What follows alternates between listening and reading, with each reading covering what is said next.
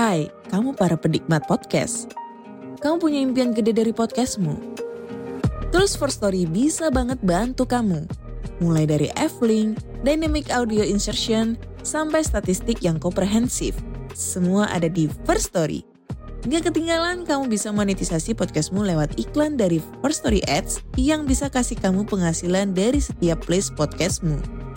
Yuk gabung sekarang dengan klik di firststory.me. Sekali lagi, klik di firststory.me. Mari kita bawa mimpi podcastingmu menjadi kenyataan. Hello? Hello? Podcast Network Asia. Lisir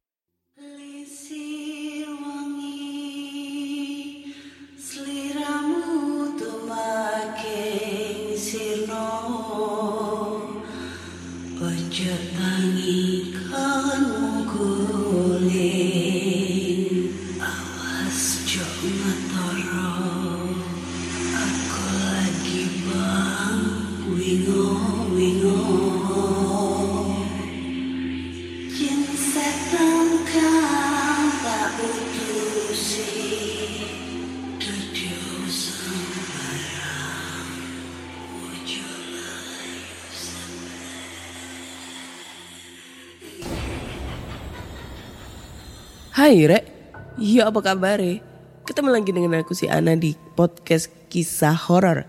Kita bertemu di episode 183 dan di episode kali ini aku akan bacakan cerita horor ataupun email berhantu yang sudah dikirimkan teman-teman melalui podcast kisah horor at gmail.com atau di Instagram podcast kisah horor serta Google Form yang- linknya tersedia di bio Instagram podcast kisah horor.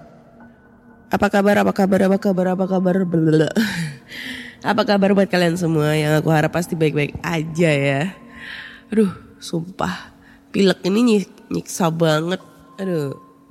Jadi kalau misalnya selama di episode ini eh, apa ya dalam menceritakannya itu kata-katanya kurang jelas, kurang jelas tuh kan. Mohon maaf banget ya, soalnya lagi pilek plus batuk. Jadinya ngomongnya agak bindeng-bindeng, bintang gitu deh. Kurang jelas gitu ya. Nah, aduh, terus apa lagi ya? Ya udah deh, langsung aja kita bacakan cerita horor nih. Sebenarnya nggak nyaman nih ngebacain cerita. Tapi karena ini udah kewajiban saya untuk menemani kalian semua, jadi mau nggak mau eh, saya harus menampilkan episode terbaru di podcast kisah horor. Dan cerita pertama ini datang dari Ibal. Judulnya adalah Di Kamar Ibuku. Assalamualaikum warahmatullahi wabarakatuh. Waalaikumsalam. Halo Kak Ana. Perkenalkan aku Sandi dari Bekasi. Gak pakai basa-basi, langsung aja ya Kak. Aku mau share pengalaman horor aku. Sebetulnya ada banyak hal mistis atau aneh yang pernah aku alamin. Tapi aku share yang satu ini aja dulu kali ya. Jadi ceritanya ini udah lama banget. Pas aku masih SMA sekitar 2008-2009 lah. Tapi kejadian ini nggak bisa aku lupain karena memang menurut aku kejadian ini paling jelas banget yang pernah aku alamin. Pada waktu itu kebetulan lagi libur sekolah. Dan hari apanya aku lupa. Sekitar jam setengah sebelas siang. Jadi kejadiannya itu pas ibuku lagi pergi. Dan aku nggak tahu kalau ibu udah pergi dari pagi. Aku bangun sekitar jam 9 lewat. Dan gak lama kemudian, setelah aku bersih-bersih, aku emang terbiasa langsung nonton TV. Di situ aku nggak sadar kalau aku lagi sendirian di rumah. Sudah lebih dari satu jam nonton TV, nggak kerasa perutku lapar banget karena emang belum sarapan dari pas bangun tidur. Dari ruang tamu aku panggil ibu berniat nanya bahwa hari ini ibu masak apa. Karena biasanya jam 9 ibuku kadang sudah selesai masak. Bu, bu, Bu, aku panggil tapi tidak ada sautan. Aku panggil kembali dengan volume sedikit keras. Bu, gitu ya. Udah masak apa belum? Masih tidak ada sautan. Di situ aku bicara dalam hati. Oh, mungkin ibu tidur kali ya. Dan aku penasaran nih. Aku bangun dari ruang TV untuk menuju ke kamar ibuku. Sebelum aku masuk kamar, aku panggil kembali. Bu, ibu masak apa hari ini? Dan masih tidak ada sautan. Aku pun melihat dan mengintip sedikit dari pintu kamar ibuku. Terlihat sangat jelas bahwa ibuku sedang tertidur, namun dengan posisi membelakangiku.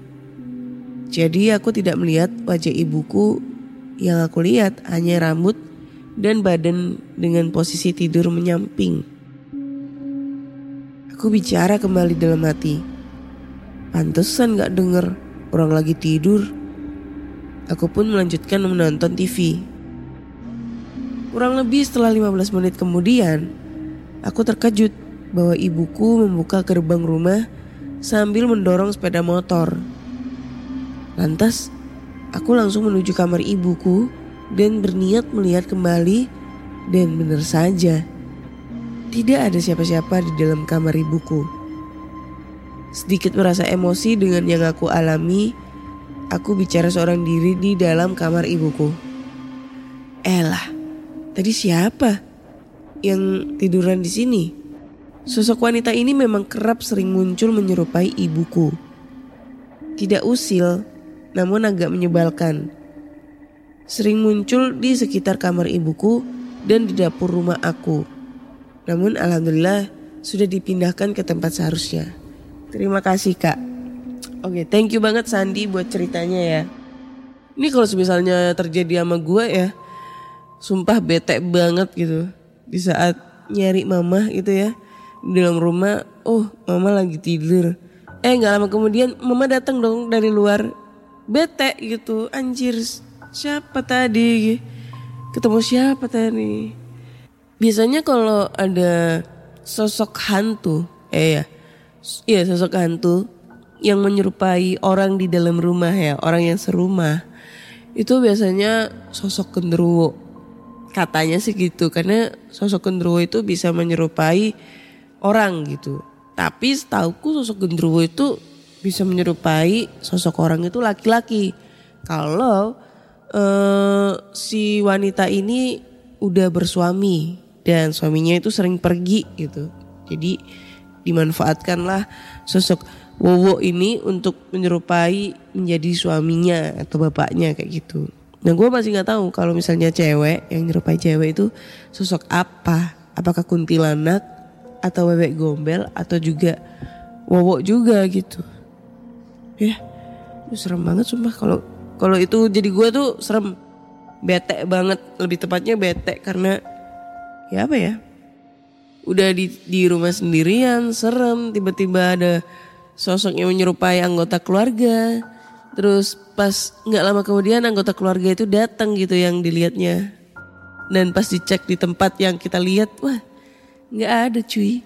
Kan serem gitu next lanjut ke cerita berikutnya ya kayaknya ini cerita terakhir karena gue udah mulai nggak nyaman banget sama ini pilek cerita ter terakhir ini judulnya adalah asem growong. Nah ini, ini apaan nih asem growong? Ini baru tahu nih ya gue judul asem growong. Ini cerita dari Kuku. Hai Kak Ana, perkenalkan nama Kuku. Ini cerita dari desaku, kabupaten perbatasan antara Jawa Tengah dan Jawa Timur. Di desaku ada pohon asem gede banget yang batangnya berlubang lumayan gede. Orang-orang biasanya menyebut asam growong. Ini maksudnya asam growong itu pohon asam yang berlubang ya, growong itu. Ini pohon udah lama banget ada. Udah sejak dari zaman ibu masih SD. Tumbuhnya ada di sebuah petak tanah deket sama jalan raya. Sampai tahun kemarin ceritanya si pemilik mau jual ini tanah. Otomatis pohonnya pun harus ditebang. Karena ini pohon terkenal wingit, si pemilik tanah minta izin lah sama si tetua desa. Sebenarnya si tetua desa udah nggak ngerestuin pohon itu ditebang karena emang ada sesuatu di pohon itu. Tapi si pemilik tanah tetap ngotot buat teb- buat nebang dan akhirnya dibikin sayembara buat siapa aja yang mau nebang tuh pohon dikasih gaji lumayan gede. Karena si pemilik tanah ngeyel buat jual, akhirnya tetua desa ngasih pengumuman ke semua penduduk desa jangan ada yang ikut campur saat proses tebang pohon. Bahkan untuk datang lihat prosesnya pun dilarang sama tetua desa. Singkat cerita, udah dapat orang yang mau nebang itu pohon. Sekitar delapan orang. Yang pasti bukan orang dari desaku. Plus seorang pawang buat ngadain ritual. Setelah ritual diadakan, si pawang bilang kalau Dedemit mau pergi dari situ asalkan harus disediain sebuah kereta kencana buat si Dedemit jalan-jalan keliling desa sebelum pohonnya ditebang. Isunya setelah pohon ditebang, total 8 orang penebang ini pada sakit-sakitan, terus mati. Dan gak tahu kalau kabar si pawang kayak gimana. Aku juga gak paham kok bisa kayak gini. Nah ini bagian yang merinding kak. Malam hari sebelum pohon ditebang, entah karena kerjaan lagi banyak atau emang lupa beliaunya. Jam 11 malam tante aku baru nyampe rumah pulang kerja. Ada om, aku lagi di ruang tamu nungguin tante aku pulang kerja. Motor udah dimasukin, pintu ditutup terus dikunci. Baru saja nggak selesai ngunci pintu, kedengeran suara tapak kaki kuda dari arah barat menuju ke arah selatan. Tante aku langsung lemes, merinding gak karuan. Secara nggak mungkin itu suara kuda delman yang ada di pasar-pasar buat angkutan umum. Apalagi delman wisata buat nganterin orang-orang. Karena emang jam udah malam banget. Itu pasti suara kereta kencana yang dipesan sama dedemit asem growong. Sampai akhirnya suara itu kedengaran jelas banget. Karena itu kereta lewat depan rumah. Ada yang berani bersuara saat itu. Om aku cuma diem aja di kursi. Tante aku udah lemes senderan di pintu. Orang satu desa nggak ada yang keluar rumah. Bahkan untuk sekedar ngintip aja gak ada yang mau. Gak ada yang tahu ke mana rute kereta kencana itu pergi. Gak ada yang tahu siapa pengemudinya. Dan gak ada yang tahu apa yang ada di dalam kereta kencana itu. Oke, selesai cuy ceritanya. Ini kayaknya gue pernah lewat. Gue pernah lewat di mana ya? Ya perbatasan. Sorry ada orang jualan tuh ya, berisik banget. Di perbatasan Jawa Timur, Jawa Tengah, bener. Entah itu Sragen, entah itu Ngawi, gue nggak tahu lupa. Jadi pas gue ke sana naik motor, eh naik motor apa naik bis ya dulu itu. Pokoknya pas mau pulang ke Jogja itu ya. Bener apa nggak gue nggak tahu ya. Itu gue ada ngeliat. Jadi yang episode sebelumnya kan gue cerita tuh ngelewatin alas, alas roban atau apa gue nggak tahu. Nah di tengah-tengah alas itu atau di mana gitu ada kereta, kayak kereta kereta delman gitu.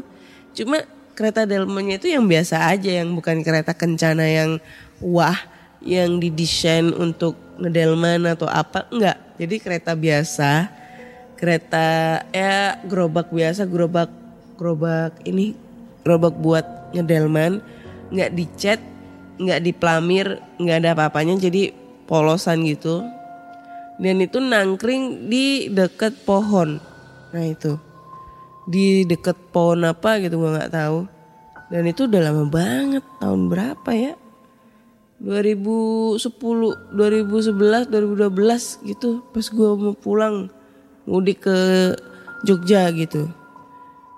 Nah gue pikir ya mungkin apa itu kali ya yang yang dimaksud oleh si kukuh ya karena mikirnya gue sih itu cuma kereta-kereta biasa punyanya orang ditaruh di situ karena emang kan di situ lokasinya uh, kebun gitu kan. Pikirnya kan ada kuda di sana terus uh, keretanya itu dibuat ngangkut kayu atau ngangkut uh, rumput dan lain-lain gitu. Atau mungkin itu yang dimaksud seserahan dari si paranormalnya bilang kalau mereka pun pengen ada kereta kencana tuh.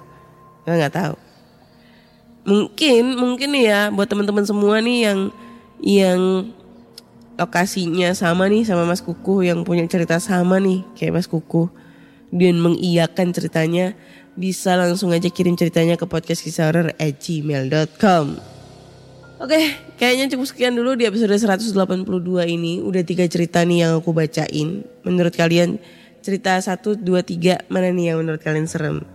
Kalau gue sih jujur cerita kedua ya. Kalian itu kayak bete banget kalau itu seandainya uh, yang ngalamin gue sendiri gitu. Sumpah serem sih kalau gue tuh. Nah kalau kalian penasaran langsung aja dengerin podcast kisah horor di Spotify, Google Podcast, Apple Podcast, dan di Noise. Jangan lupa juga kasih komentar kalian di setiap episodenya di Noise karena di Noise kalian sudah bisa untuk memberikan komentar apa saja. Dan jangan lupa juga kasih bintang 5 untuk podcast kisah horor di Spotify. Karena kalian semua udah bisa ngasih rating, ngasih penilaian untuk podcaster kesayangan kalian. Akhir kata saya Ana undur diri dan terima kasih sudah mendengarkan podcast kisah horor. Bye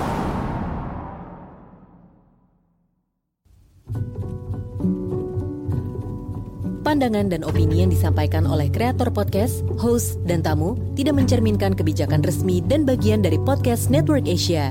Setiap konten yang disampaikan mereka di dalam podcast adalah opini mereka sendiri dan tidak bermaksud untuk merugikan agama, grup etnik, perkumpulan, organisasi, perusahaan, perorangan, atau siapa pun dan apa pun.